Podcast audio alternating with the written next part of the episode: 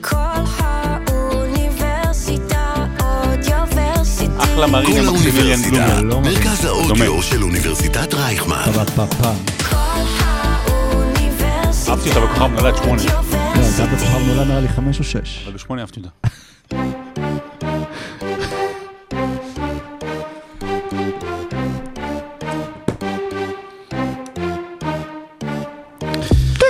אופס, פעם ראשונה שזה קורה לי, זה מה שאמרו שחקני הסלטיקס, ובצדק, בפתיחת סדרת הגמר נגד הווריורס, כשלמרות ניסיון של אפס משחקי גמר מול 123 משחקים לסגל של גולדן סטייט, הסלטיקס גנבו את הביתיות ולקחו את ההובלה בסדרה. ומצד שני, יש את אלה שסתם מתרצים, דריימונד גרין במשחק מספר 2, סופג עבירה טכנית מהירה, וזו לא הפעם הראשונה שזה קורה לו, ומאז נראה כאילו לא משנה מה יעשה, יעשה שריקה לעבירה טכנית שנייה נגדו מעולם לא תושמע. אז הרבה דריימונד בהגנה, אבל בעיקר סטף בהתקפה, גולדן סטייט משווה את הסדרה, ואנחנו נשארים עם השאלה. אתם יודעים איזה שאלה? טיקי טיקי טיקי טי! מה נראה קודם בפעם השנייה? ניצחון של בוסטון בסדרה, או אולי את דריימונד גרין מורחק, בלי שהוא מבין איך זה קרה. מה שבטוח ותשאלו את לברון, בעיטה בחוואבוס, זה לא הפתרון לבעיה. פרק מספר 103 של עושים NBA. יצאנו לדרך.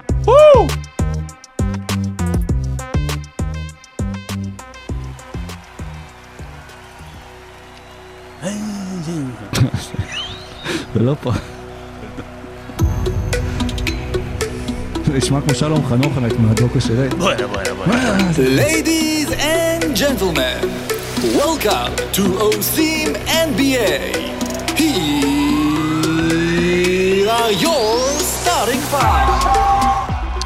סיכום משחק מספר 1 ומשחק מספר 2 בסדרת גמר ה-NBA, מי ניצחה ואיך הגענו לאחת אחת. כל קבוצה ניצחה. נכון. סטף קרי, האם הוא מוכיח את גדולתו בסדרה הזו, או שמא שוב מעלה סימן שאלה? דריימונד גרין, למה כולם שונאים אותו? זהו, למה כולם שונאים אותו באמת? מה צריך לקרות לקראת משחק מספר 3 ולאן הסדרה הזו הולכת? ועוד חדשות ב-NBA, כולל יוטה ג'אז, לאן ומניין.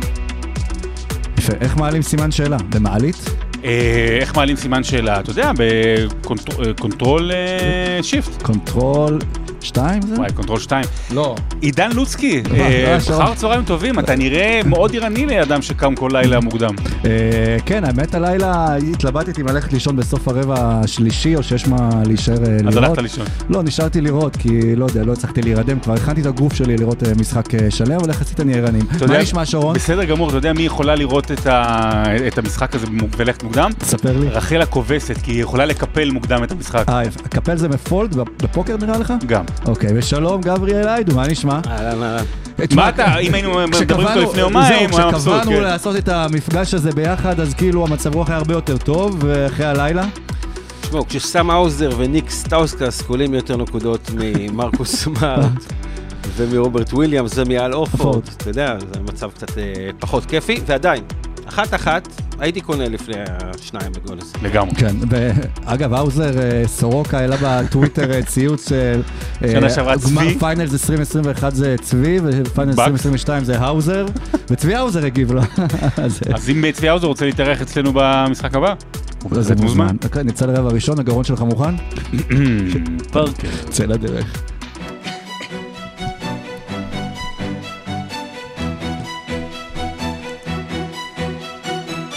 רבע ראשון. אה, אוקיי, אז יוצאים לדרך עם הרבע הראשון, אנחנו מקליטים את זה אחרי שני המשחקים הראשונים של סדרת הגמר. במשחק הראשון בוסטון אה, מנצחת עם אחד, עם כאילו איזשהו רבע רביעי. אה, באמת. משוגע, אל אורפורד משחק בכורה שלו בכלל, של כל השחקנים של בוסטון כמו שאמרנו בסדרת גמר, אל אורפורד אחרי 141 משחקים, ודופק משחק של החיים ממש רגע לפני גיל אה, 36, ואז מגיע משחק מספר 2, והסדרה מתאזנת. וגברי, אז התחלת להגיד, כשהיו אומרים, אם היו אומרים לך לפני פתיחת הסדרה, שאחד אחד אחרי שני משחקים, היית לוקח. כן, אבל בהתחשב בזה שבוסטון ניצחה את המשחק הראשון, אז מותר להיות קצת יותר חזירים, ובוסטון אם הייתה מנצחת הלילה, אני חושב שכולם היו מסכימים שסדרת גמורה. למרות שבוסטון אני בבית, לא- עוד אני לא, לא- זה, אבל אני אומר, אני לא- גם לא חושב שזאת סדרה כזאת שיהיו שחיטות כל הזמן. זאת אומרת, אני חושב שיהיו התאמות ממשחק למשחק. שתי הקבוצות, אחרי המשחק שהם הפסידו, מרגישות שהן יכולות לעשות דברים הרבה יותר טוב, ועדיין, היתרון כרגע חזר לדעתי לגולדן. תראה, זה שני משחקים ובכלל סדרה שנראית עדיין מאוד מאוד בשליטה של גולדן. גם, הרי דריימונד גרין עצבן הרבה מאוד אנשים, ותכף נדבר על זה, כשהוא אמר שמה, שחקנו 41 דקות, אה, אמר? 40-41 דקות טוב מאוד, ואז התחילו, אתה זוכר את הציטוט של, אה, זה היה אה, אה, דרור קשטן בנבחרת, או לואיס פרננדס, אני כבר לא זוכר. פרננדס, כן. פרננדס, לואיס פרננדס, שניצחנו ניצחנו את המחצית השנייה בהפסד 3-4 אה, נגד- לקרואטיה. כן.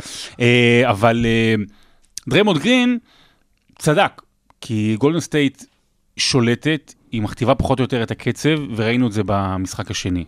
קרו שני דברים שאני חושב שלא יכולים לקרות בהמשך, וזה קודם כל, אה, במשחק הראשון, לפתוח את הרבע הרביעי עם 7 מ-7 ל-3, ובהתפוצצות שם של אלה אורפורד. זה משהו שבצורה הזו, באחוזים האלה, לא יכול לחזור על עצמו. מצד שני, בוסטון צריכה למצוא איך אה, נתון של 12 מ-30 בתוך הצבע, 12 מ-30 בתוך הצבע, כולל לייפים יחסית נוחים, היא מחטיאה במשחק השני.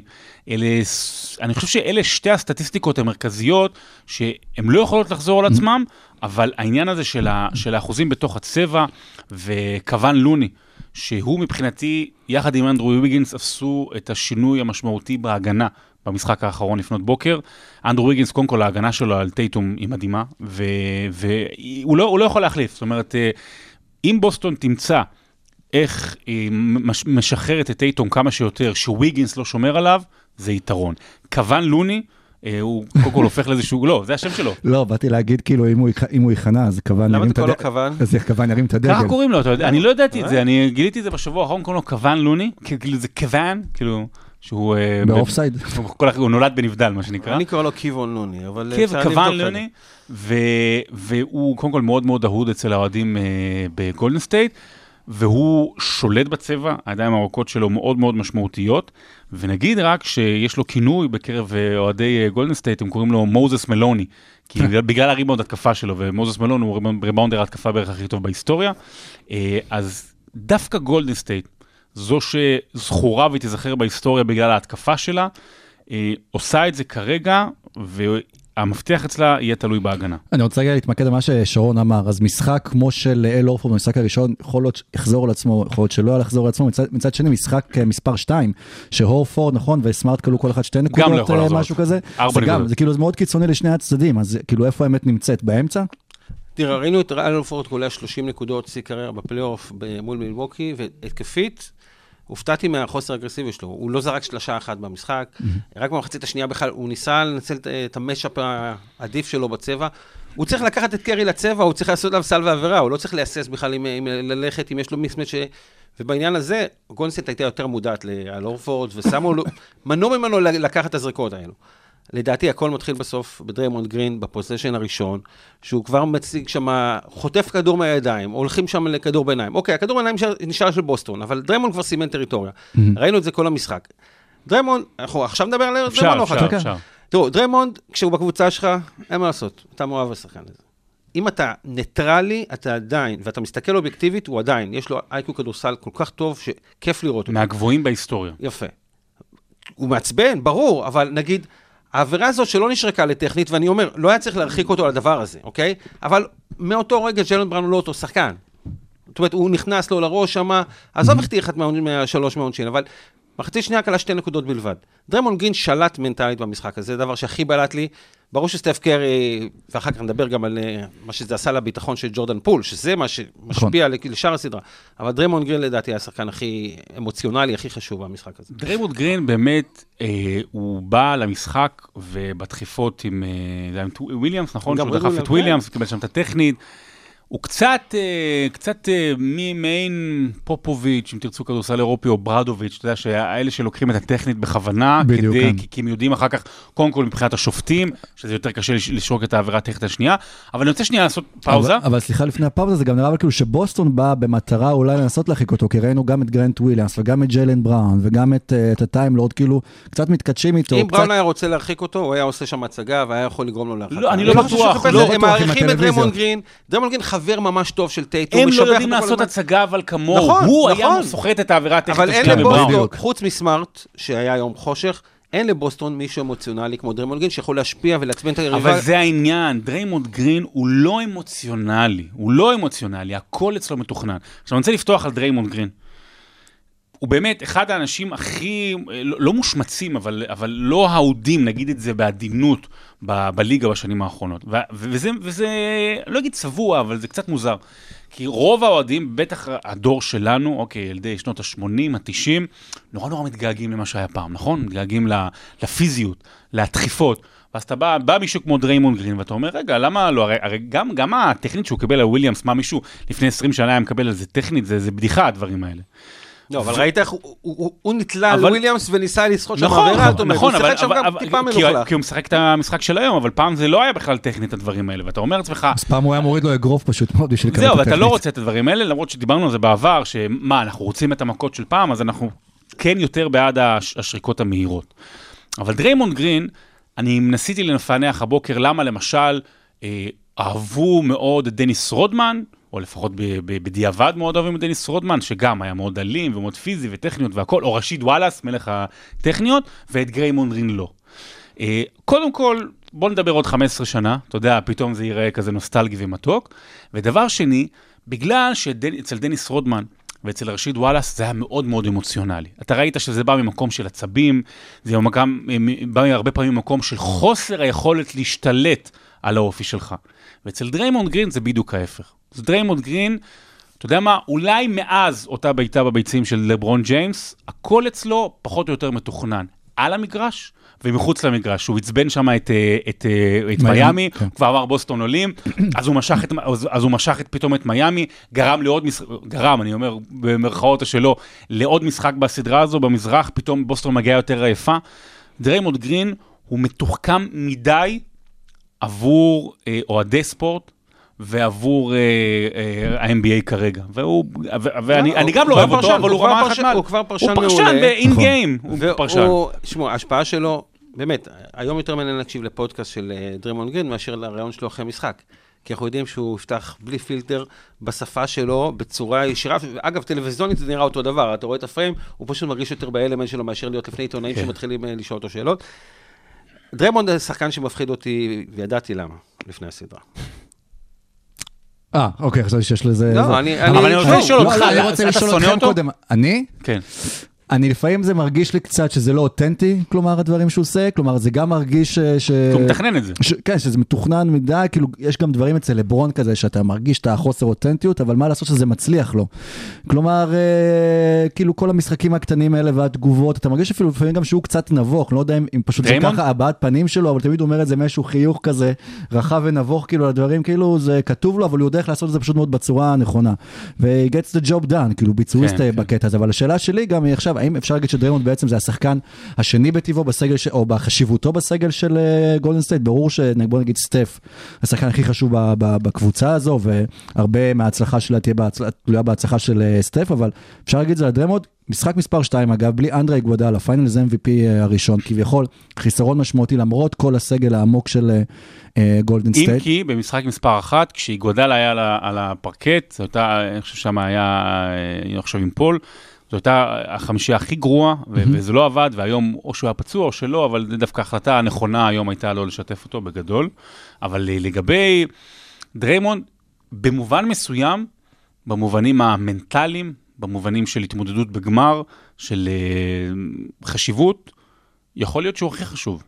כמובן שקרי, קרי זה, אנחנו לפעמים לוקחים את זה כמובן מאליו ועוד נדבר עליו, אבל יכול מאוד להיות שדריימונד גרין הוא השחקן הכי חשוב אם אתה לוקח את המכלול של כל, כל מה שהוא כדורסל, לא רק התקפה, הגנה, כשאתה לוקח הכל ביחד, לפני משחק, אחרי משחק, אז במובנים מסוימים דריימונד גרין, כרגע בגולדן סטייט הנוכחית, אולי הוא החשוב ביותר. והוא יכול לאיים אולי, על- אם גולדן סטייט זוכה על תואר ה finals MVP של סטף, כמו שאיגי לקח על זה בזמנו. לא, לא, לא, לא, לא, לא. לא. הס- הסיכוי שגולדן סטייט תנצח את הסדרה וסטף קרי לא יהיה MVP לא קיים, הוא לא קיים. כן, לא, אין- זה לא לא- יכול להיות. לא ייתנו לזה אפילו. אם בוסטון ייקחו, יש מצב שקרי ייקח.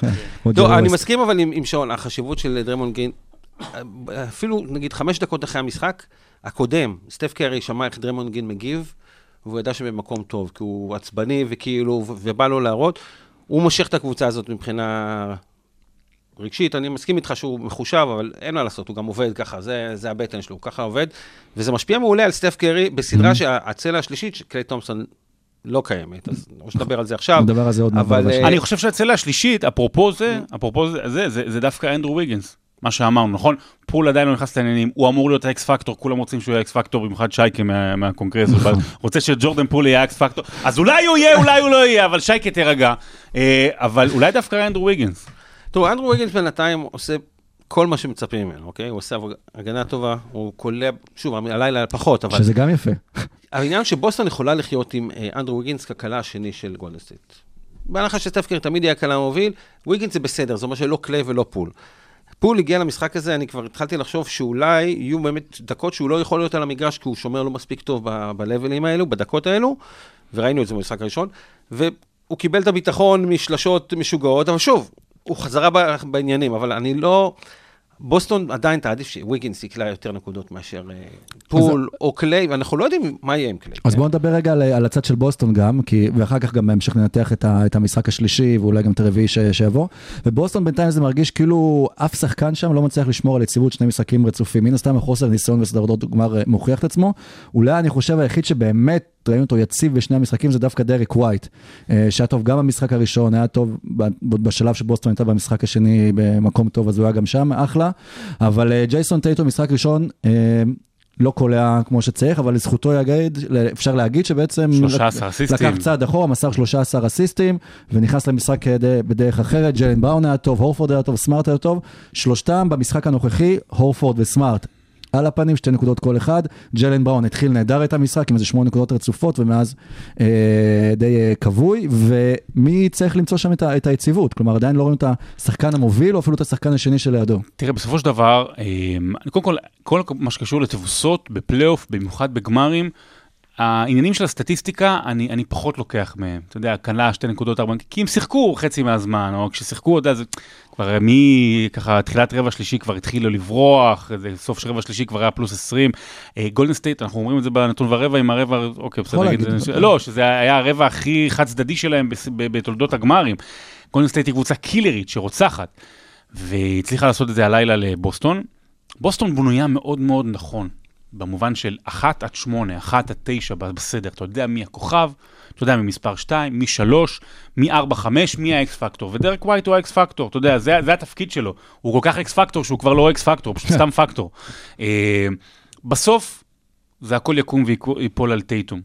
הם נהנו ממשחק מטורף של הורפורד במשחק הראשון, אבל אם טייטום אה, לא ייתן את המשחק 40 נקודות, אתה יודע, את, ה, את הדומיננטיות ש, שהוא מצפה מעצמו, שהוא רוצה להיות איזשהו קובי 2, אז זה לא יעבוד לבוסטון. והוא ייתן, לא, הוא אמור לתת, כלומר יש לו שני משחקי קליעה ראשונים על הפנים, זה מן הסתם לא יימשך, בוא נגיד למשחק 3, 4, 5, איפה שהוא ייתן את זה, אז אז בוסטון יש עוד כמה ניצחונות, בוא נגיד בקנה על הראש של טייטום.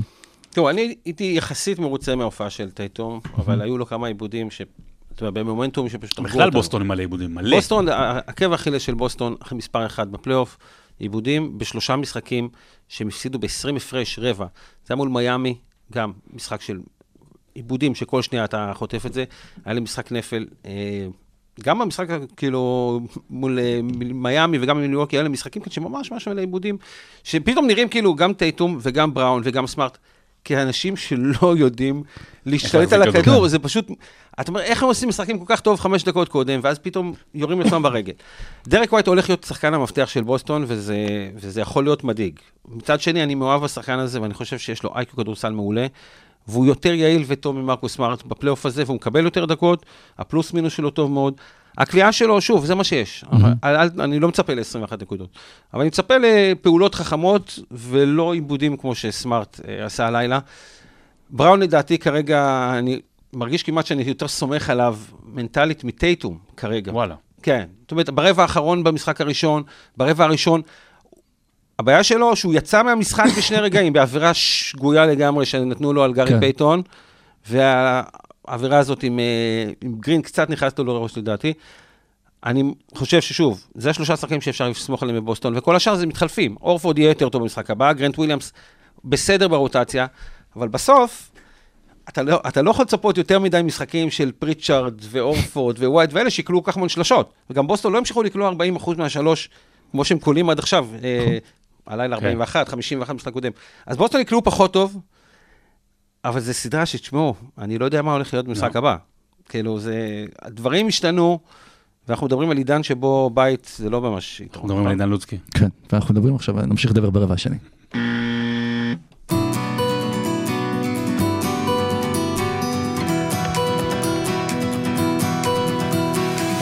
רבע שני. אז אה, ברבע השני אנחנו ניכנס קצת יותר לעומק דווקא על הקו האחורי של גולדן סטייט ועל ה Splash Brothers שממשיכים לראות את, הגדולה שלהם, אחד מהם קצת יותר, השני אנחנו זוכרים לו חסד ועוד אה, מחכים לו ובואו נתחיל דווקא עם, אה, עם סטף. קודם גברי אמר שבאמת אם גולדן סטייט זוכה אין סיכוי שסטף קרי אה, לא מקבל את, ה- את ה finals MVP אחרי שהוא קיבל גם בפעמים אה, קודמות, פעם אחת איגי, פעמיים... אה, הוא לא קיבל בסדק לדעתי, דרך אגב, קודמות.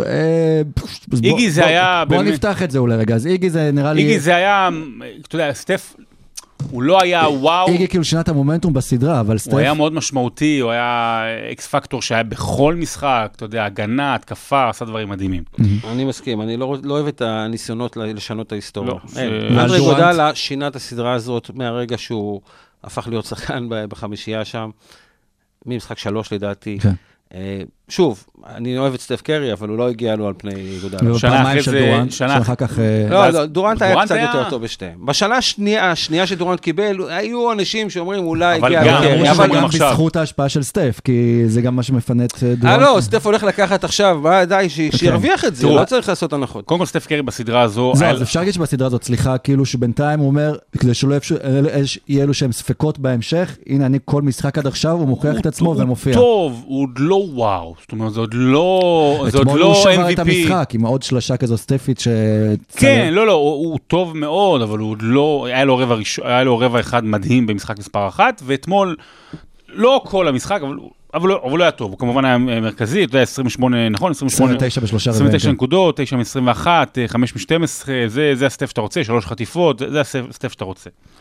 תראה, זה קצת, אה, אנחנו, אנחנו ב-NBA ואנחנו הכל מדרגים ומחשבים ומשקללים על פי תארים ומספרים והכל, ובטח ובטח אצל גולדן סטייט ואצל סטף קרי, שלקחו את עניין המספרים והשיאים והשלשות וכל הדברים האלה צעד אחד קדימה, אולי אפילו רחוק מדי. אבל זה סטף קרי במובן מסוים, כשאתה מסתכל על, ה, על התרומה ההיסטורית שלו ו, וגדולתו כשחקן, finals MVP זה הרבה פחות חשוב מלשחקנים אחרים. כי לקרי, אני אגיד את זה כך, מתוך, אני חושב שהוא ב, ב, בוודאות כבר ב top 15 שחקנים הגדולים בכל הזמנים, ככה מתקרב לאזור 10, אה, ויכול עוד לעלות. אה, הוא הכי פחות דומיננטי מכולם. למרות שהוא יכול להרוג משחקים. מבחינת מי? מבחינת ה top מ- 10, מ- 15? לא, לא, אה, לא, לא שהוא פחות, כ in game, זאת אומרת, הוא הכי פחות דומיננטי על המשפיע, על, על המשחק. זאת אומרת, אנחנו אומרים, מי המנהיג של גולדן סטייט? זה הוא או, או, או חד משמעית דריימונד גרין? סבבה. אה, ה-MVPs, כאילו של finals, היו אחרים.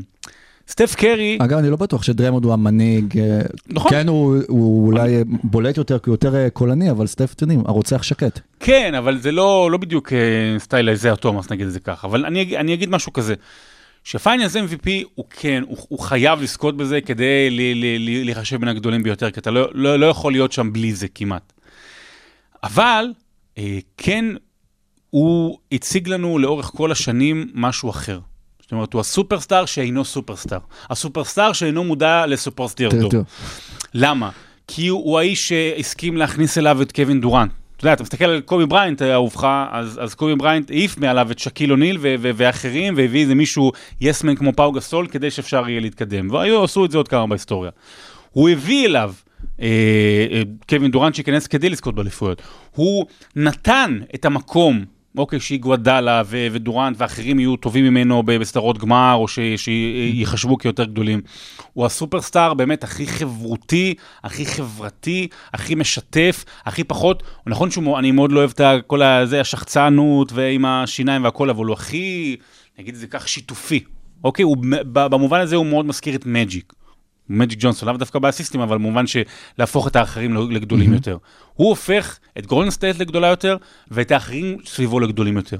אז במובן מסוים, אם אנחנו מתפלפלים, finals MVP זה לא must בקריירה של אה, סטף קרי. וכל עוד סטף אה, נגיד קולע ככה, כי זה משהו שנגיד שלאה שהייתה, שמאוד העסיק אותי לפני הסדרה הזו. בשביל לקלוע הרי זה לא משהו שדורש יותר מדי, כלומר זה כן דורש איזשהו כוח בברכיים והזריקה והכל, יש הרבה אלמנטים שמשפיעים על הקליעה. אבל בסוף זה לא כמו נגיד הכוח אה, של לברון של חדירה ועוצמה על הסל, בסוף אתה צריך שאנשים יעבדו בשבילך בשביל לפנות אותך, ואם יש לך את הקליעה אז יש לך את הקליעה, וסטף עכשיו אה, 34 ואנחנו רואים שהקליעה עדיין טובה, עוד מעט נדבר אולי על האח שלו, ששם זה קצת, אה, וגם יש את הסיבות למה זה קצת אה, היא מידרדרת. עד לאן זה יכול להמשיך? כלומר, הוא יכול הרי להישאר ברמה הזו של 30, 40 נקודות, 5, 6 שלושות למשחק עוד 3-4 שנים, כל עוד דריימונד וכל מי שמסביבו עובד ועבורו. אנחנו לא יודעים, כי אנחנו לא יודעים איך הגוף שלו באמת כן. בנוי אחרי כל מה שהוא עבר, אבל אה, אני מאמין שיש שנתיים, שלוש טובות, כן, אני לא יודע אם 30 נקודות. מה שהכי הרשים אותי בסטף הלילה, אה, הגנה, שזה לא כן, משהו זה שחשבתי השתפר השנה שאני אגיד, ממש, אוקיי? כן. זאת אומרת, עשה הגנה מעולה, זאת אומרת, היו פעמים שקבוצה כמו בוסטון הייתה, שמה אותו כטארגט ועושים עליו כמה שיותר. ניסו כמה פעמים מיסמצ'ים וראו שזה לא הולך להם, הוא יצר חטיפות, הוא הקשה על אורפורד גם בהגנה וגם בהתקפה. והיו כמה אסיסטים שהוא הוא חודר פנימה, והוא מעסיק שלושה, לפעמים אפילו ארבעה שחקנים ומוצא את כיוון נוני. ככה הוא מסיים שש משש מהשדה. לא היו לו המון אסיסטים, האחוזים היו לו משחקים הרבה יותר גדולים, וזה מה שצריך להדאיג את בוסטון, כי הוא- שיחק שלושה רבעים, הוא לא היה בערב הכי גדול שלו, הוא לא השתלט עליו מכל דבר, והוא עדיין היה השחקן היום הכי חשוב. מבחינת מה קורה איתו, היה לו את הפלוס מינוס הכי גבוה במשחק, הוא לא שגה כמעט, ואני כן חושב שהוא צריך את התואר finals MVP, כן, אני כי, אומר, כי מתפלפלים. אין מה לעשות, אם לפול פירס יש, ואם לצ'ונסי בילאפס יש, אני מצפה, אם יהיה להם ארבע אליפויות, כן? כן. אם מפסידים את אתה יודע הסדרה, למה אז פול לא... פירס זכה אבל. רק בגלל ההצגה שלו שהוא עשה עם ה... עם המשחק הראשון? הגלגלים. כן. אה, היה לו- אה, קצת מספרים יותר טובים מרי אלן, והיה אפשר גם לתת לקווין גרנט, נתנו לפירס, אני בסדר עם זה. דקרו אותו 17 פעם, והוא לא היה. בכיסא גלגלים, אה, אז פה הוא. בכיסא גלגלים, אתה מבין? כן. אתה נגיד שרון עוד אה, כמה שנים תעשה ספר, עוד כמה נשאר לדור האחרון? כמה היה מהספר הקודם? ארבע, חמש שנים? אה, כבר עברו מאז 2000 סוף 2017, כן, כבר כן, חמש יש לך עוד שנים. 20 שנים לדור כן, הבא, ואז כן. אתה תסתכל, ואיך אתה תיקח את הנתונים, אתה לא תסתכל על סטף ותגיד, אוקיי, כמה אליפויות יש לו, כמה- איפה אני אני מוצא את אקח, ה- אבל אני אקח, ודווקא, את ה X factor כדי לדרג אותו שישי ולא שביעי. זה נכון. אין סיכוי שגולדנסטייט לוקח את האליפות בלי שקרי יהיה הכי טוב בקבוצה הזאת. אבל אם מי- היא לא לוקחת-? אבל אם היא? לא לוקחת אליפות, זה פתאום מתאזן גם ה- ה- ה- ה- שלו במאניטה. אגב, רוצים עוד נתון מגניב? כל ארבעת ה-MVP האחרונים באולסטאר, אה, א', שיחקו בקבוצה של אה, לברון ג'יימס, ב', זכו גם ב finals MVP, שזה לברון, שזה קוואי, אה, זה יאניס, ומי עוד היה שם? מי עוד לקח אליפות לאחרונה? דייוויס, אנטוני דייוויס. לברון? לקח? קוואי היה איתו? מי לקח את קוואי היה ה-MVP? באחד רגע, איתו? לברון לקח ב-2020. נכון. ויש שם עוד אחד, אני אגיד לכם לא אה. זה מתישהו. אה, אבל אה, לא, זה אבל... עוזר לבוסטון איכשהו? לא, אני אומר שזה עוזר, עוזר אני אומר לנו? שזה עוזר לסטף סטף. קרי. נמצא עכשיו, כשקליי פחות טוב, ודריימונד גרין הוא דריימונד גרין, ואין, ופול עדיין לא X. factor, והכל. קליי הוא לבד, זאת אומרת, הוא, מה זה לבד? הוא, הוא לבד ב, ב, ב, ב, ל- למעלה במגדלור. זה באמת עליו, באמת בסופו של דבר זה עליו הסדרה הזו. אם הוא ימשיך לשחק כמו שהוא משחק עכשיו, אז גולדן סטייט גם אמורה לנצח. נדבר על סטף או קליי? סטף. סטף. אז בוא נעבור לדבר על אם הוא משחק כמו שהוא. משחק עכשיו, אז נס ציונה תיקח את היורופ קאפ שנה הבאה. אז בוא נעבור לדבר על קליי, באמת אה, אח שלו, קליי חזר מהרבה, מאיזה חמש פציעות אה, שונות, היה מושבת אה, לשנתיים. בעונה רגילה דווקא התחילתי את ה... 898 יום, אם אני לא טועה, הוא עושה משהו בסגנון הזה. כן, ועבד קשה בשביל אה, לחזור, בעונה רגילה הוא דווקא התחיל לאט לאט לחזור, בפלייאוף אנחנו לא רואים בדיוק את קליי שאנחנו רגילים. אה, אגב, ושוב, לא שאנחנו- כולל נגיד אה, משחק מספר 6 נגד, אה, נגד דאלאס ב... למרות שאתמול ראינו את, את, את קליי בתפארתו, נדל. את- כן, על הקליי, על החיימר. אבל אתמול מה שראינו במשחק, כן, ברבע הרביעי, זה את סטיב קר, כן משאיר את קליי על המגרש, למרות שכל הכוכבים של שתי הקבוצות אה, כבר יושבים אה, על. הספסל, שסטאוסקס כבר משחק אה, כן, בצד אבל זה אחד. לא- זה לא עזר לו וכל זה מנסות. להכניס את קליי למשחק, וקליי עדיין לא מצליח להיכנס אה, לסדרה. ומתישהו אמור גם להגיע השלב שקליי נכנס, או שכבר זהו, יכול להיות שהוא גם הגיע לתקרה שלו, או שהפציעות כבר משכו אותו יותר מדי אחורה, ואנחנו כבר לא נראה אף פעם את אותו קליי. אנחנו נראה איזה משחק אחד גדול של כן, קליי זהו, בסדרה. זה יהיה אחד כזה כן. היסטורי, רוי, לא פשוט... תראה, אני, לא- קליי כנראה לא יוכל לחזור למה שהוא היה, אבל הוא חזר להיות שחקן NBA טוב, וזה כבר הרבה יותר מאנשים שנפצעו כמוהו עשו לפני זה. אה, החזרה של קליי היא משמעותית ל- לדינמיקה של הקבוצה, זאת אומרת, היום יש מי שישלים אותו קצת. פול, אנדרו ויגינס, שיעזרו ב- בנקודות הללו ש, שהיו עליו יותר, אבל יש פה משהו כאילו של להחזיר את הטריו שלו יחד עם, גר- עם דריימונד גרין ועם, ועם אה, קרי, של העובדה המטורפת הזו שיחד עם קליי בריא, זה גמר שישי ברציפות של גולדן סטייט. זה מוסיף ל- להילה הבאמת היסטורית של הקבוצה הזו. בוא נגיד שכרגע, בגלל שאוטו פורטר ג'וניור מעולה, ובגלל שגארי פייתון היום נראה טוב, אני חושב ש- שגולדנסטייט יכולה להתמודד גם עם קליי ב-60 אחוז. וכמה זה ישפיע עליו נגיד ב top 75, הוא יתבאס שהוא לא נכנס אליו, אם תהיה לו עכשיו סדרת גמר. לא, זה אה, שהוא הגיע, זה כבר אומר... לא, כי דיימיאן לילארד. לא, אני רגע, אם. יהיו לו ארבע אליפויות, ולכרמלו לא. אנטוני יש אפס אליפויות, נו, מה עדיף להיות בקריירה? מה- את מי יזכרו יותר? עזבו. קליי תומפסון אה, בעיניי... כרמלו, יש לו יותר יח"צ. לא, כן. יש יותר יח"צ, יותר נקודות, אבל קליי תומפסון שחקן בעיניי יותר שלם, ויותר הייתי רוצה אותו, ויותר עם אליפויות, עזבו כן. אתכם, כרמלו לא היה עושה את חצי מהדברים האלה. יש שלב מתישהו שג'ורדן פול אמור אה, להשתלט, בוא נגיד, על המיקום מתי של שיפתחו את קליי. הבריכה. על המיקום של קליי, ובאיזשהו שלב אולי יוותרו עליו, יכול להיות, זו סיטואציה לא גם. שקליי יעבור פתאום מתישהו בגולדנסטייט להיות שחקן שישי. שיש, כן, אני רואה את זה לגמרי. שנה הבאה, אתה יודע מה, זה מחשבה נכונה מאוד, שכמו שהיה תקופה כשעכשיו בתחילת הפלייאוף, כשקרי חזר, אז הוא היה כזה שחקן שישי לכמה כמה רגעים. אה, קליי, שחקן שישי החל מהעונה הבאה, או אחרי- עונה אחרי זה. אה, שנה אחרי אולי. זה- הוא עוד רוצה לחזור, הוא אוהב. הוא רוצה, השאלה אבל- אם זה לא יפגע בגולדן סטייט, כי במשחק, עזבו את הרבע הרביעי, אה, שסטיב קר נתן לו מה לזרוק זה כמה שהוא משנה רוצה. אם דרק ווייט פותח מהספסל, אם משחק יותר דקות ממרקוס סמארט, כן. שני משחקים רצוף? זה לא, לא אני אומר, השאלה אם זה משנה. פוגע, כי המזל שלהם אולי שיש להם את קוון לוני שלוקח את כל הריבאונדים בהתקפה, כי מלבד הרבע הרביעי שסטיב קר נתן לו ככה להפגיז חופשי בשביל שייכנס לעניינים, ראינו את זה גם במהלך המשחק, כי בסוף קליי הוא קלעי, הוא מקבל כדור, הוא לא חושב כמה הוא החטיא קודם לכן, הוא הולך וזורק, ולפעמים זה כאילו, כמו שזה קרה אולי במשחק הראשון, וזה גם קצת ככה היה בהתחלה של המשחק השני, זה פוגע בקבוצה, כי אתה, זה פוזשנים שאתה מאבד, זה פוזשנים שבוסטון לפעמים יודעת לנצל, לפעמים לא יודעת לנצל, והשאלה אם באיזשהו זמן, זה, אם, אם קליי לא מצליח לחזור לעצמו בסדרה הזו, אז בואו נגיד יגיעו למשחק 6, בסדרה לא. ואז הוא יהיה נהדר. האם אה, סטיב קר מקבל החלטה, אוקיי, קליי, אתה קצת בחוץ, ג'ורדן פול, בוא תיכנס אה, יכול מאוד להיות ברוטציה. בדקות, אבל... ברור, כל- כל הרכב יכול לעלות על המגרש. אני חושב שרוברט וויליאמס, למשל, קצת עושה בעיה לבוסטון בהרבה מאוד דקות. כאילו, בוסטון לא מצליחה לייצר את החמישייה הכי טובה שלה לאורך העונה עם רוברט וויליאמס, אז- אז הם נראו הרכבים אחרים, אז תראה את דרק ווייט משחק יותר דקות, נראה את גרנט וויליאמס. כנ"ל, אם לאורך כל הסדרה הוא יקלוט שקליי תומפסון, הפלוס מינוס שלו לא טוב, ההגנה שלו גם עשתה צעד אחורה, וזה משפיע לדעתי יותר כן. הגנתית מאשר... כי הוא היה שחקן הגנה מעולה, שהוא נכון. לא מוערך מספיק שבלפני הפציעה. אה, אני אסגור את הרבע הזה ואתן פה הימור. או במשחק 3 או במשחק 4, צפו לרבע שלישי משוגע של קליי, מה שנקרא 18 נקודות ומעלה. אז אה, מי שרוצה לדעת עוד על רבע שלישי במשחקים, תישארו עכשיו לנתון ורבע.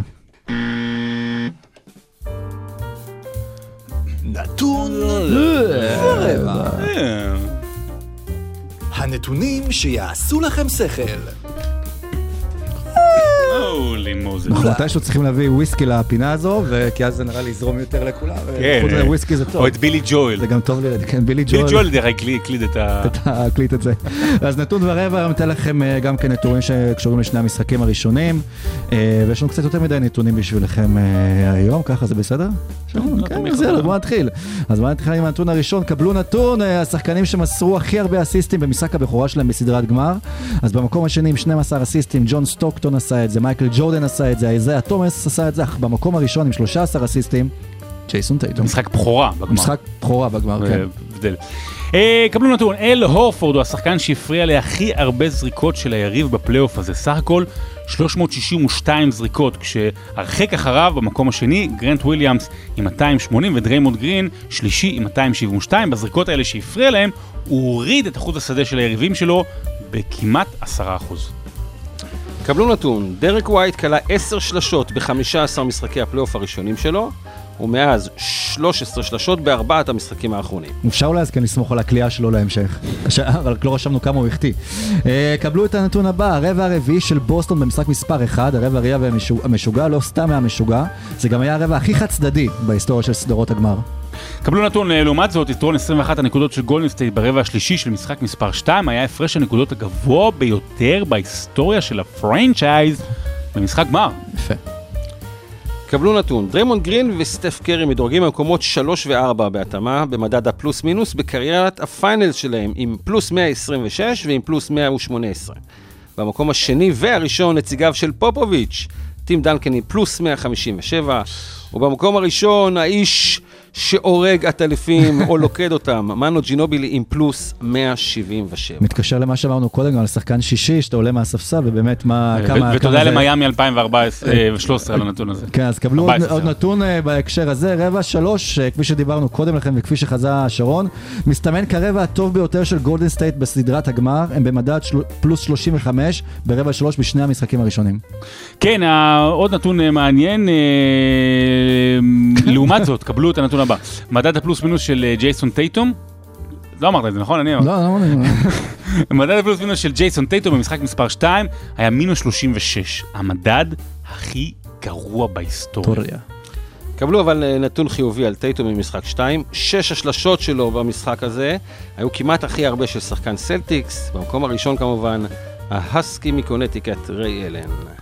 מוזיקה תמשיך, כי יש לנו עוד שלושה נתונים. אז קבלו את הנתון הבא. השלשות של טייטום זה נתון נחמד, אבל עדיין, סטף קרי הוא השחקן עם הכי הרבה משחקים של 3, 4, 5, 6, 7, 8 ו-9 שלשות במשחק אחד.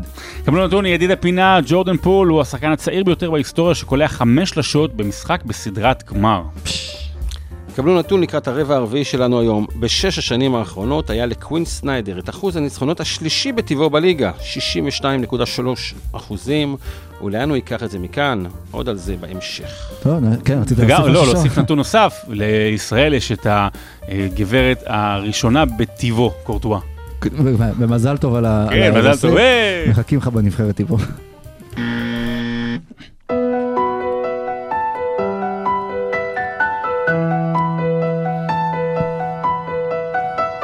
רבע שלישי. אוקיי, אז ברבע השלישי דיברנו על, אה, דיברנו על שני המשחקים הראשונים, דיברנו קצת על גולדן סטייט, אבל ברבע השלישי באמת אה, נתכונן לשני המשחקים הבאים, שמגיעים עכשיו ל-TD Center, שזה תמיד אה, נשמע לי בלילה כמו טדי סנטר, אבל אחרת אי אפשר היה לסדר את המשחקים האלה. זה טדי סנטר, זה טדי, כן. אצטדיון טדי. כן, טדי קולק.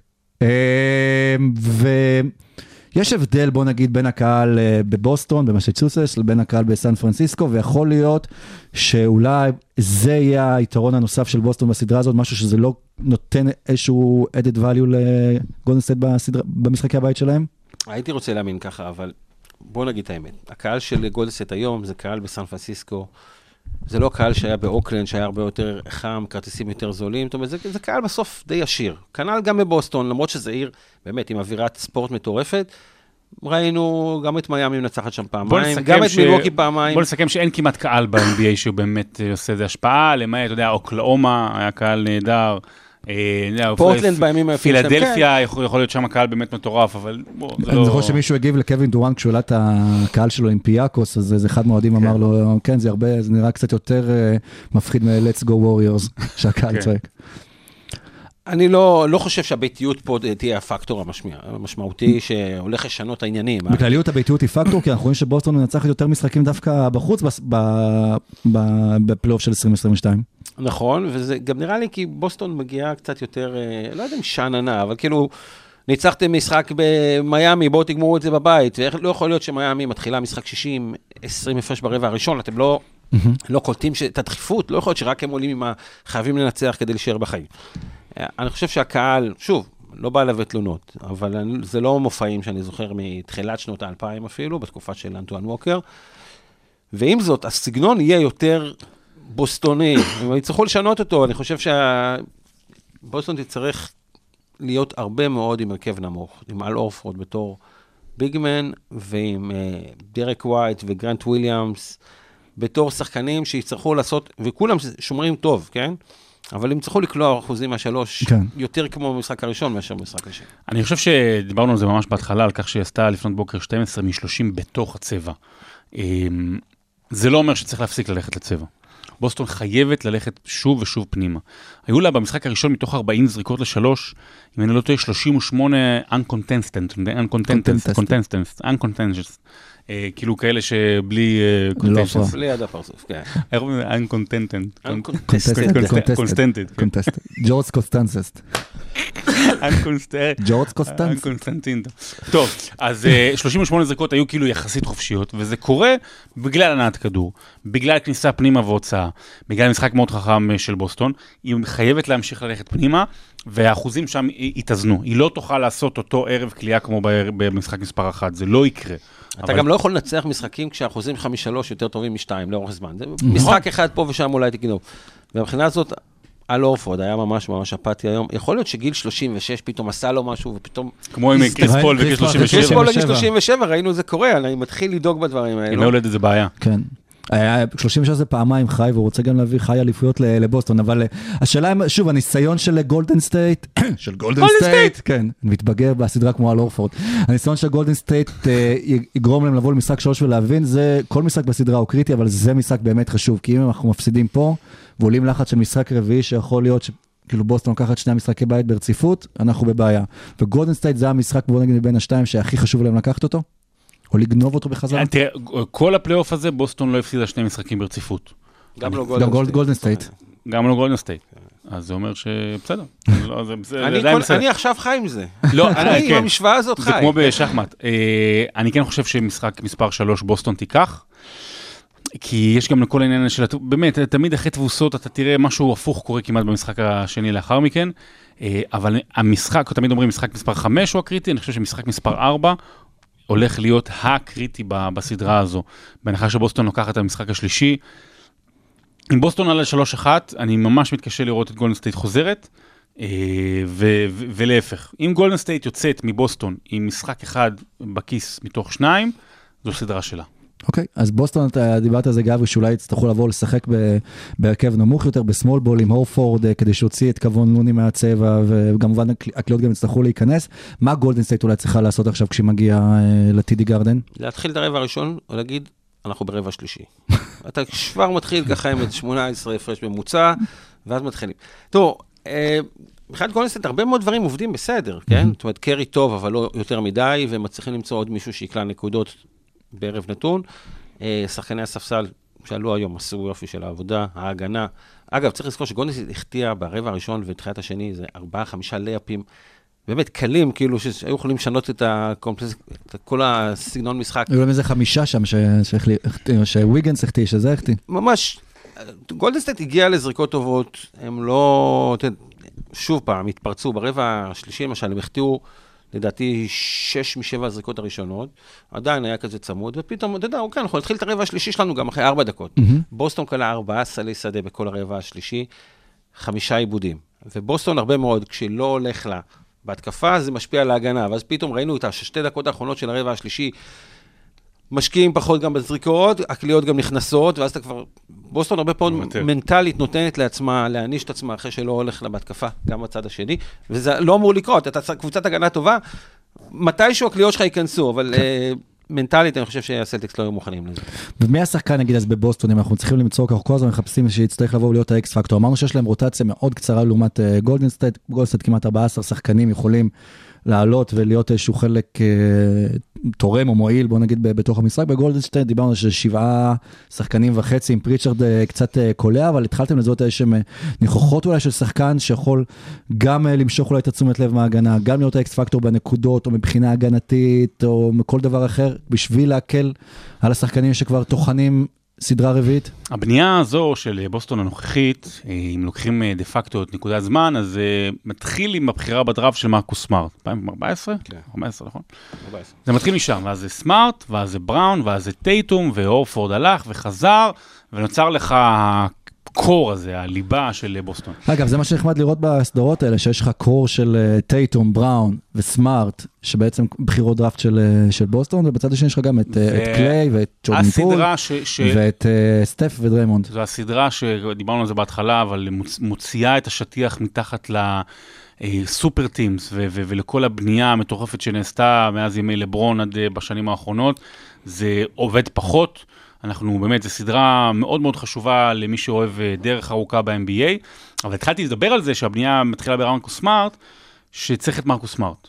זאת אומרת, דיברת על אורפורד ודרק ווייט, אבל מרקוס סמארט יכול להיות קטליזטור מאוד מאוד משמעותי גם, גם התקפית ובעיקר ובעיקר הגנתית. כשאתה, כשאתה מדבר על אה, לא הולך בהתקפה ואז פתאום בהגנה הם אה, ככה מוותרים קצת, זה, זה משליך ישר על מרקוס סמארט. זה בעצם השיטה של גולדן סטייט, יש לנו את סטף שיכול לגמור עניין בהתקפה ודריימונד ידאג לחלק ההגנתי, אם אתה מדבר מהמספר 2, אז גם בבוסטון.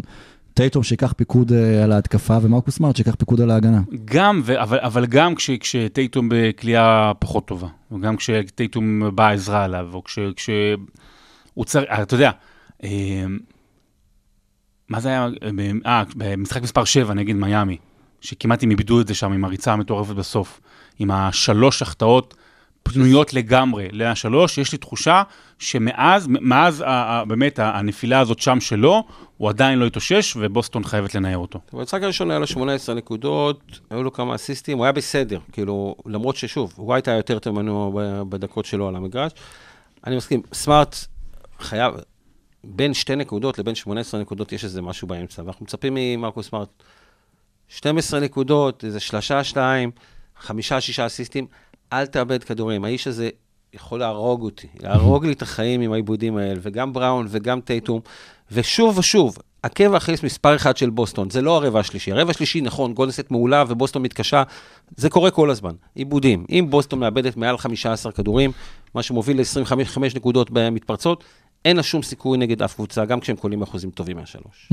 טוב, מה שכאן אנחנו רואים על סמארט, והיום זה יותר בולט בסדרה נגד מילווקי, זה באמת שהוא התבגר מאוד במשחק שלו, ואנחנו רואים אותו מוותר על הרבה זריקות, הייתי בטוח שנגד מילווקי זו הייתה איזושהי החלטה בוגרת חד פעמית, ואנחנו רואים אותו בהרבה פעמים במשחק גם כן מוותר על הזריקות שלו, אבל סמארט יהיה חייב להגיע לכמות נקודות הזו. בוא נדבר רגע קצת על, על יודוקה, סטיב קר זה לא סדרת uh, גמר uh, ראשונה שלו, כבר uh, טחן הרבה כאלה, גם בתור שחקן, גם בתור מאמן. איך אתם רואים את אמי יודוקה בתור סדרת גמר בינתיים מתנהל uh, מבחינת הסיטואציות? מאוד מאוד מרשים אותי. אה, זה לא רק בסדרה הזאת, אבל שוב, להיות מול אה, אריקס פולסטרה, זה, זה מחשל אותך לדברים האלו. להיות מול בודנהולצר. כן, הוא העיף אלופים כבר. הוא העיף אלופים, ומה שאני אוהב הרבה פעמים, הוא קולט את הדקות שבהן צריך למצוא איזה הרכב מסוים, שפתאום משנה את העניינים, וזה יכול להיות פתאום פיט, פריצ'רד במקום סמארט, ו- וזה הדקות הכי טובות של בוסטון, והוא הולך עם הבטן שלו. אני חושב שהוא הולך להיות מאמן יוצא מן הכלל. אגב, מרקוס סמארט בדיוק גם אה, דיבר על אימה יודוקה, ש- שמה שהוא אוהב בו זה שמאוד ישיר איתם, וש- אה, ושבאיזשהו משחק במהלך הפלייאוף הזה אימה יודוקה פשוט צרח עליו, what the fuck are you doing, help your teammates, וש- ושהוא מאוד מכבד ומ- ומעריך את זה, ונראה שגם כל השחקנים בעצם... אה, הוא ניסה היום גם להדליק את השחקנים שלו, קיבל טכנית מכוונת, ניסה קצת לשנות את העניינים, אבל זה כבר היה באמצע הרבע השלישי, שגם שום דבר לא עבר. אז לפני שנעבור אה, לרבע הרביעי, בואו נגיד אנחנו ניפגש כנראה, אני מקווה, אולי אחרי, בעוד פרק אחרי משחק 4 או אחרי משחק 5, תחושה שלכם, אחרי שני משחקים בבוסטון, איפה אנחנו נהיה, באיזו תוצאה? 2-2. 2-2? גם אני חושב, כן. יאללה, הלוואי.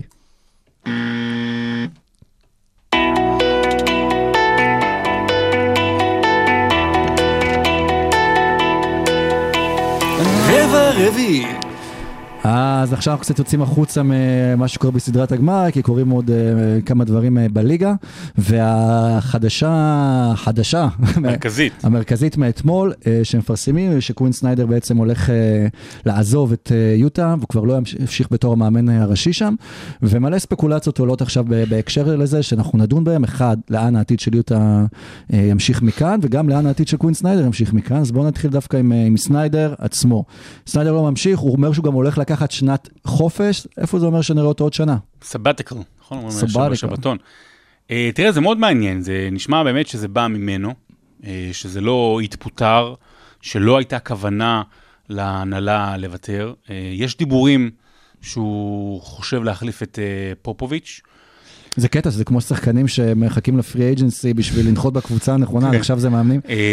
אה, ופופוביץ' בינתיים זה כמו משחקי הכס, אה, כולם על, ה... על יכול הכיסא מאוד שלו אה, נלחמים. להיות מאוד מעניין, אם כי, שוב, אה, יש אופציות טובות יותר בשוק, אה, השאלה אם הן יהיו זמינות ואם ירצו לבוא לסן אנטוניו ולבנות מחדש. הוא היה באמת- מועמד ללקרס באיזשהו שלב גם אה, בפר... ב...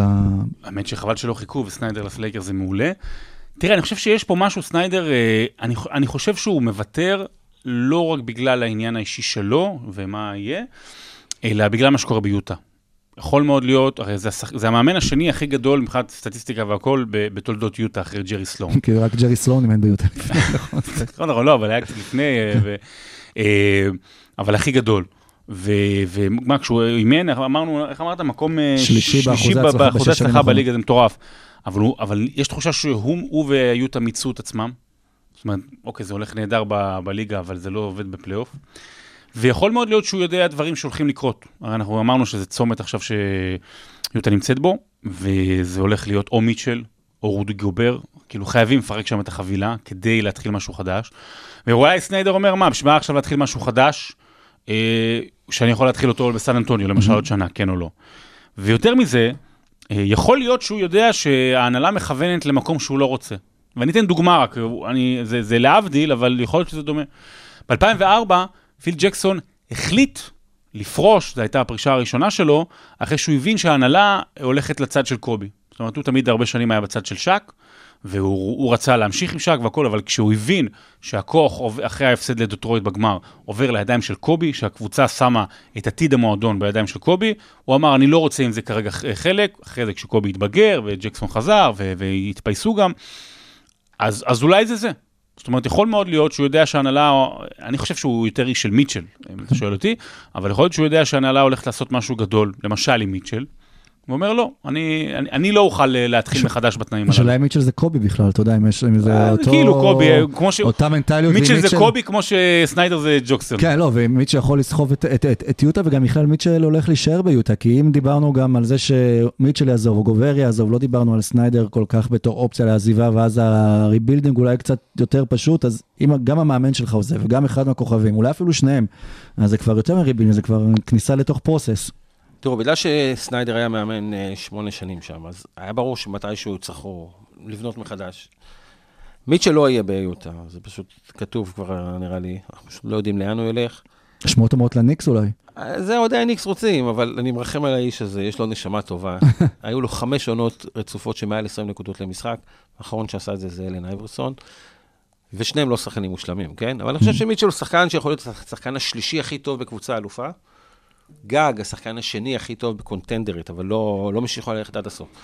ודי, ניסו שם את השילוב הזה עם רודי גובר, אני חושב שהכימיה שם לא תהיה יותר מדי. אז בואו נגמר עם זה. עכשיו, ברגע שהמאמן עוזב, ומיטשל אומר שהוא מאוכזב, וקצת עצוב לו, וכי הוא לא אוהב את זה, אז רק מחזק את העניין הזה, ש... שזה מה שהולך לקרות.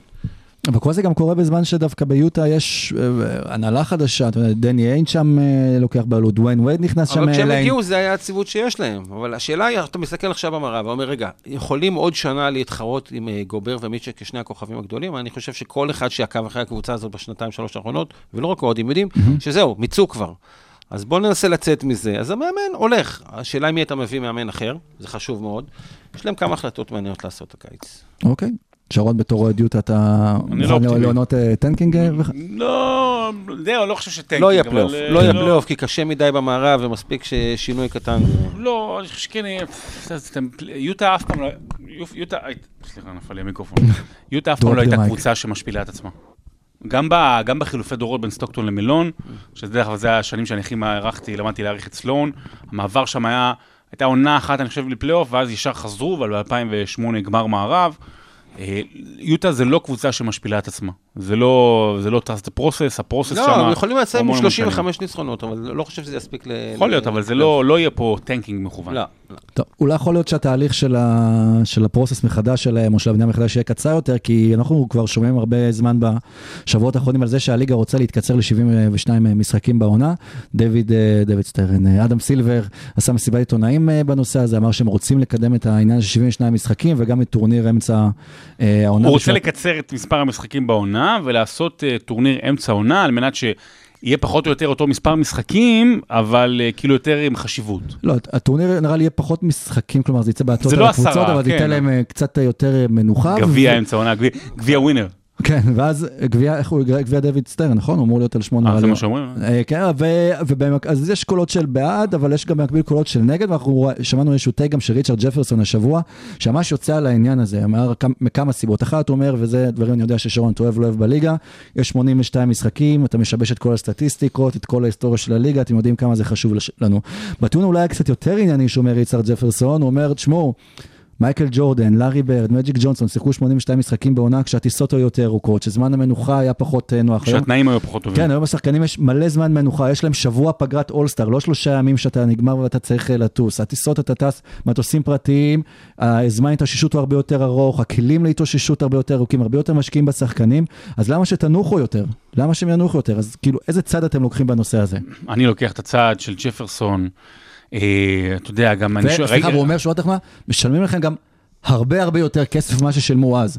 אז כאילו, תראה, קודם כל, תעמדו בהתאם לזה. הזה וזה של ה... כסף שמכניס כסף לקבוצות. לגבי העניין הזה של תשלום ותמורת אה, תעבדו קשה, או קשה מדי, או, או מוגזם, זה אנחנו לא צריכים לקבל, כי זה לא קשור. אתה יודע, זה, זה לא, זה? לא זה רגע כן בגלל. שמשלמים לך, אז, אז, אז, אז בוא תקרא לעצמך את ורווחיות, כי התחת. יש לך, אם יש לך עוד חמישה משחקי בית, בוא נגיד, לכל קבוצה מתוך הזה, אז כל משחק בית זה כמה מיליוני מס- דולרים לקבוצה, וזה מה איתך. על הטבלת שכר. אני מסכים איתך שאי אפשר ששחקנים יתלוננו על שכר ויעשו כל כמה שנים שביתות והשבתות, ואז אה, יבואו ויגידו, רגע, רגע, אבל פחות משחקים. מאיפשהו צריך לבוא הכסף הזה וזכויות השידור ויותר משחקים, אני מסכים איתך לגמרי. אה, אני בצד של ג'פרסון, היה, עלתה טענה שהתבוסות והפלייאוף הפחות טוב שהיה, זה בגלל שיש כל יומיים משחק בגמרים האזוריים. יש שנים, על גבי שנים, כל יומיים משחק. זה לא משהו חדש, והיו גמרים אזוריים בשנים האחרונות מדהימים, ויותר טובים ופחות טובים. אה, אנחנו מאוד מאוד מודעים לשחקנים, אנחנו מאוד מאוד מודעים לדרישות של שחקנים, זה טוב, זה לא, זה לא סתם לפלפי, אוקיי, זה חשוב, אבל צריך איפשהו לשים את, את, את הגבול. אמרת לפלף כגיל ססופר היה כן, גיל סבבה, לפנינו? NBA. הוא דיבר איתנו על סדרה של אה, בוסטון, אה, סליחה, של שיקגו נגד יוטה, בגלל 97, שם הוא תקוע. אני אגיד לך מה, אסור לשנות יותר מדי. אוקיי, יש לנו 72 משחקים, ואז עוד 10 שנים מה? 65 משחקים? יש מספר משחקים, יש סגלים עמוקים, בואו תרחיבו שאפשר לרשום עוד שחקן בסגל, סתם דוגמה. אתה יודע, ואז אפשר- ללכת. יש היום יותר משחקים וזה מעצבן אבל שרושמים פחות, אבל בסדר, זה חלק מהעניין. יש לו יותר, לא- הקריירות יותר ארוכות, אתה חושב לטווח ארוך, היום בודקים היום, ממש, כל אחד כמה הוא כשיר בנתונים סט- מדעיים, אם הוא 60 אחוז, הוא צריך לשחק יותר, יש גם 15 דקות. 82 משחקים ותרבות של load management גם, זה לא שכולם משחקים את כל ה-82 משחקים כן. האלה. זאת תהיה, תודות לקוואי. אם כן. ישנו את מספר המשחקים, זאת תהיה כניעה לבכיינות. אני אגיד לכם על מי אני חושב בדברים האלה, וגם על ריצ'רד ג'פרסון מדבר עליהם. האנשים האלה שבאמת פעם היה להיות איירון מן, זה באמת היה להיות חיה, זה מישהו שכשיר כל הזמן לשחק. אייסי גרין. אייסי גרין, 1192 משחקים רצוף, מ-1986 עד 2001. והוא היה בתול בגיל 40 בלוס אנג'לס. אני לא יודע מה הרצף יותר קשה להשיג, אבל הוא נאבק קשה מאוד בשביל שני השיאים האלו, נכון? ובסוף הם מגיעים אנשים ומשחקים, יאללה, בוא נשחק 60 משחקים, בוא נשחק 70. הבן אדם שיחק 82 משחקים, 15 שנה רצוף, בלי, בלי להתלונן. זה קשור למה שאנחנו אומרים על בן סימונס. אתה יודע, הם, הם השחקנים האלה מגשימים את החלום של, של, שלנו ושל מיליונים. הם נמצאים שם בליגה הטובה, הם משחקים, אנחנו סתם מזבלים את השכל. אוקיי, אנחנו סתם, אנחנו מקנאים בהם.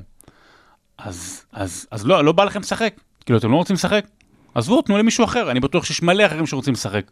או שתעשה כמו בפוטבול. בפוטבול החוזים לא, לא מובטחים, אבל יש לך הרבה פעמים פר משחק. כן. אז אם אתה משחק לי, יש שחקנים שבאמת, 50 משחקים בעונה, מעניין. כמה בן סימונס היה מרוויח פר משחק. וואי וואי וואי, היה מחזיר כסף להנהלה. שזה גם מצחיק, כי בהפוך נגיד לכדורגל שאנחנו מסתכלים, ששם רק מעמיסים ועוד על השחקנים עוד ועוד משחקים, פה רק מורידים. וזה, אז פה כאילו, אז רק מורידים מזה, אז כאילו מה הדרך הנכונה? הדרך הנכונה היא לשים אה, קו אדום, ו- ולא כל הזמן כל בכיינות וכל טרנד וכל זה, עכשיו להקשיב לו. אני, אין לי בעיה עם 82 משחקים, אין לי בעיה גם עם אתה לא. של כמה. לא. אבל אני אומר, לנסות בפלייאוף לא לקבוע כל משחק שני, לנסות לעשות שני ימים, ובעונה הסדירה שלא יהיה back to back, זה הכל. אם צריך להרחיב, לא את יהיה בכלל בשבוע... back to back, בכלל. לא, אני, כרגע יש לך איזה 4-5 פעמים בכל העונה, אוקיי? ביטלו הרי לפני שנתיים שלוש את ה-back to back to back, פעם היה שלושה משחקים. פעם היה ארבעה כן. משחקים בחמישה ימים. הדברים האלה, באמת, אני גם לא רוצה אבל היום ששחקנים זה יבצעו נדיר. היום- פעם גם אז אני בבייסבול אומר, היה שני היום משחקים פחות. ביום. אני אומר, אפילו תאריך את. הליגה בשבועיים, עשו שבועיים. את זה, האריכו, הקדימו את העונה למרות שזה. אולי יותר קשה לאמריקאים להעריך את הליגה בגלל שזה מתנגש עם ליגות אחרות מאשר לקצר את הליגה. נכון, אבל אדם לא סילבר הוא- הקומישיונר הכי סבלן והכי מאזין ושומע את הקולות, ובאמת כל פעם משתנה, וגם עכשיו יעניין מהבחירות, שהוא אומר, אנחנו נבטל את העמדות. אתה יודע, ליגה משתנה, הכל בסדר, אבל אה, אל אל תהרסו את ה- אל תהרסו לנו את המשחק. רגע, אז אנחנו נותנים עכשיו לאמביד להיכנס לחמישיית העונה על חשבון אה, טייטום? שנה הבאה. שנה הבאה. שנה הבאה, אוקיי. עד כאן פרק שעה. 100, ו- כן, בדיוק שעה, עוד כמעט שעה. אמר לנו, נמשוך עוד פרק. קצר היום. כן, פרק 103, אה, שזה כמעט כמו 103 FM, שרון, אה, שלא תתבלבל בין הדברים. אז אה, עד כאן פרק 103 של עושים NBA, אנחנו נחליק קצת את המוזיקה, נתראה, אנחנו מקווים, אחרי משחק 4 או משחק 5, ככה לעוד עדכונים מהסדרה. בינתיים אנחנו מרוויחים סדרה שעושה קולות שהיא תהיה קצת יותר צמודה מהסדרות שלנו בחצי הגמר. אנחנו לא יודעים מה. הולך לקרות, בעיקר. לא יודעים, שזה, שזה תמיד טוב לסדרות גמר. אז uh, תודה רבה שרון. תודה עידן. תודה רבה גברי. שיהיה לך תודה שבאת. כן. ואנחנו נתראה בפרק הבא, להתראות. תודה רבה. לכם שהייתם, ביי. כמו שהוא אפס.